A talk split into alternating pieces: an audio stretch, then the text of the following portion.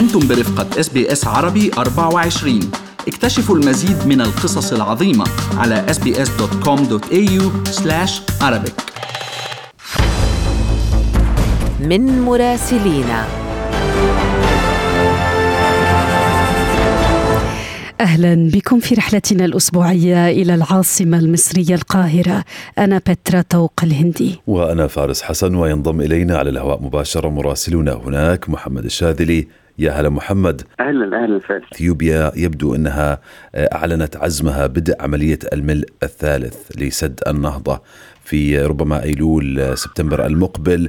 وبنعرف مصر من الدول المتضررة ولكن مع ذلك يعني حدة الخطاب المصري تراجعت.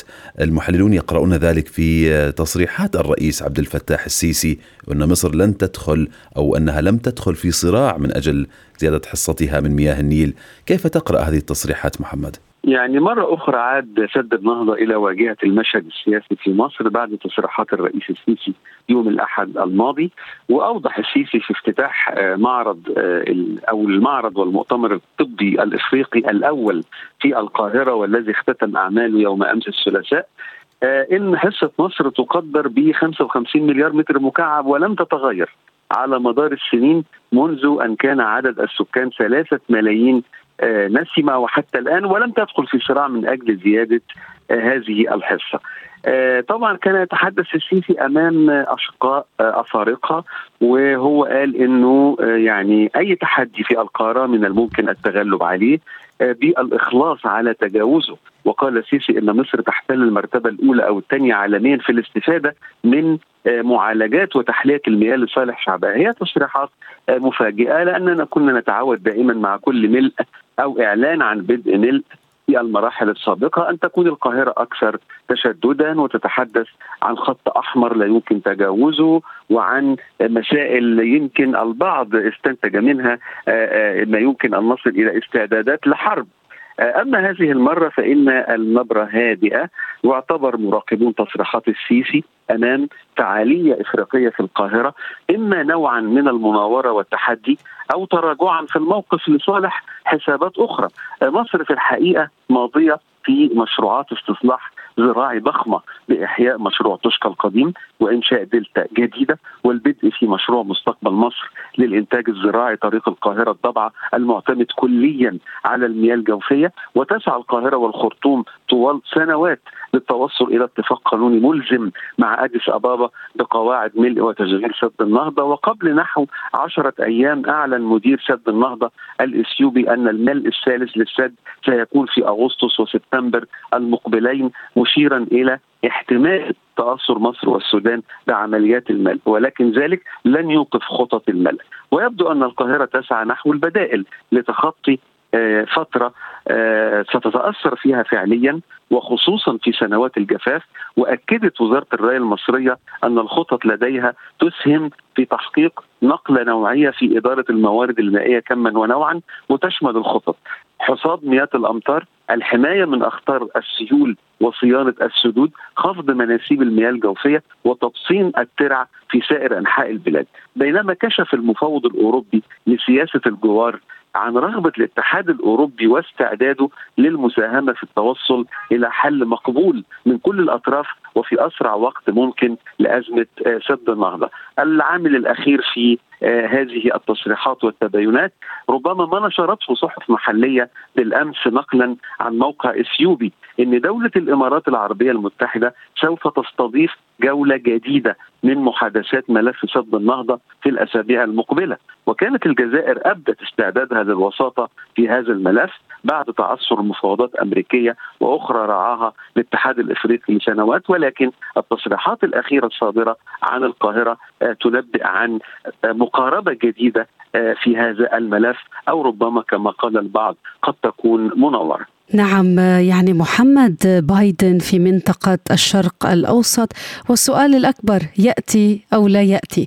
الطبخة لم تنضج بعد. يحكى عن تأجيل رحلة الرئيس الأمريكي جو بايدن للشرق الأوسط بأواخر يونيو الحالي إلى يوليو المقبل. ماذا تأكد حتى الساعة عن هذه الزيارة التي تبدو متأرجحة؟ لا توجد معلومات أكيدة حول هذه الزيارة وإن كانت التكهنات حولها ما زالت تضرب في كل قراءة وربما لم تنضج بالفعل كما ذكرت ملفات الزيارة كفاية بسبب كثرتها وبسبب تباين المواقف.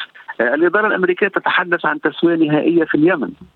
بينما الحديث عن علاقات أوثق مع الرياض يصطدم بتصريحات سابقة للرئيس عن ملف حقوق الإنسان وبشكل أكثر تحديدا علاقة بايدن بولي عهد السعودية الأمير محمد بن سلمان وذهاب تحليلات أمريكية إلى أن الأمير القوي على وشك الحصول على ما أراد من الرئيس وهو ما يفسر تصريحات المتحدثة باسم البيت الأبيض عن تداخل المصالح المهمة مع المملكة العربية السعودية والتي ينظر لها الرئيس كشريك مهم في مجموعة من المبادرات التي نعمل عليها سواء في المنطقة أو في جميع أنحاء العالم. يرى محللون في القاهرة إن الزيارة ترتبط كذلك بمحاولة أمريكية لتطبيع ما بين السعودية وإسرائيل له ارتباط بقضية جزيرتي تيران وصنافير لأن اتفاقية السلام المصرية الإسرائيلية كانت تشملهما وبعودتهما إلى السعودية لم تعد داخل الاتفاقية وترتيباتها الأمنية، الزيارة قيد الإعداد وقد تخرج منها رسائل عدة حول التهديد النووي الإيراني، إثارة اهتمام الجانب العربي بالحرب الروسية الأوكرانية لكي يقترب من مما ذهب إليه الجانب الغربي، قضايا الطاقة الساخنة طبعا في المقام الأول والأمن الغذائي، رساموا السيناريو السياسي في المنطقة تحدثوا عن زيارة بايدن لاسرائيل ورام الله اولا. ثم الرياض مع إمكانية عقد قمة تضم قادة مصر والأردن والعراق. إلى جانب قادة دول الخليج. نعم محمد دعنا بشكل سريع نختم هذه الرسالة الأسبوعية بالحديث عن صدى تصريحات لشاعر تطاول على كوكب الشرق على أم كلثوم يعني يبدو كان في بيان حاد اللهجة من نقابة المهن الموسيقية غير الغضب اللي كان بالشارع وشفناه على ال social media شو كانت هاي التصريحات يا ترى وكيف تداولها الشارع المصري؟ أنا استمعت لهذه التصريحات على اليوتيوب على ال social media وكانت بالفعل مسيئة جدا وبدأنا نستنكرها أنا ومجموعة من الصحفيين ربما قبل حتى أن تتدخل النقابات لأنه قال كلاما غريبا جدا قال إن أم كلثوم تزوجت 11 مرة والمعروف أن أم كلثوم والمعلن أنها تزوجت أربع مرات. وصف أحمد رامي بإنه لعب دور العاشق الولهان مع فنانة محذرا الشعراء من ذلك وقال عن عبد الوهاب محمد صاحب فكروني إنه اراد تكرار تجربة رامي وأم كلثوم مع لطيفة ثم هاجم أحمد شفيق كامل وقال إنه ليس شاعر حقيقيا وأن أغانيه وعلى رأسها أنت عمري ليست جيدة كما هاجم الشاعر عبد الفتاح مصطفى وقال إنه كان اخوانيا يعني تحدث بشكل مسيء جدا عن أم كلثوم التي استغلت الشعراء وعن الشعراء الذين بعضهم لم يعجبوا وبعضهم تحدث عنه جيدا. بالمناسبة هو تحدث عن رامي جيدا ولكنه تحدث عن استغلاله. الاستنكار طبعا من نقابة المهن الموسيقية من اتحاد الكتاب الذي تمت فيه هذه الندوة من جمعية المؤلفين والملحنين ثم تحركت حفيدة أم كلثوم السيدة جيهان الدسوقي هي حفيدة شقيقة أم كلثوم وكلفت محامي برفع قضية أمام النائب العام. تحدثنا مع مراسلنا من العاصمة المصرية القاهرة محمد الشاذلي، شكرا جزيلا لك محمد. استمعوا الآن إلى الموسم الثاني من بودكاست أستراليا بالعربي، أحدث إصدارات SBS عربي 24 يأخذكم في رحلة استقرار بعض المهاجرين العرب ويشارككم بأبرز الصدمات الثقافية التي تواجههم عند وصولهم إلى أستراليا.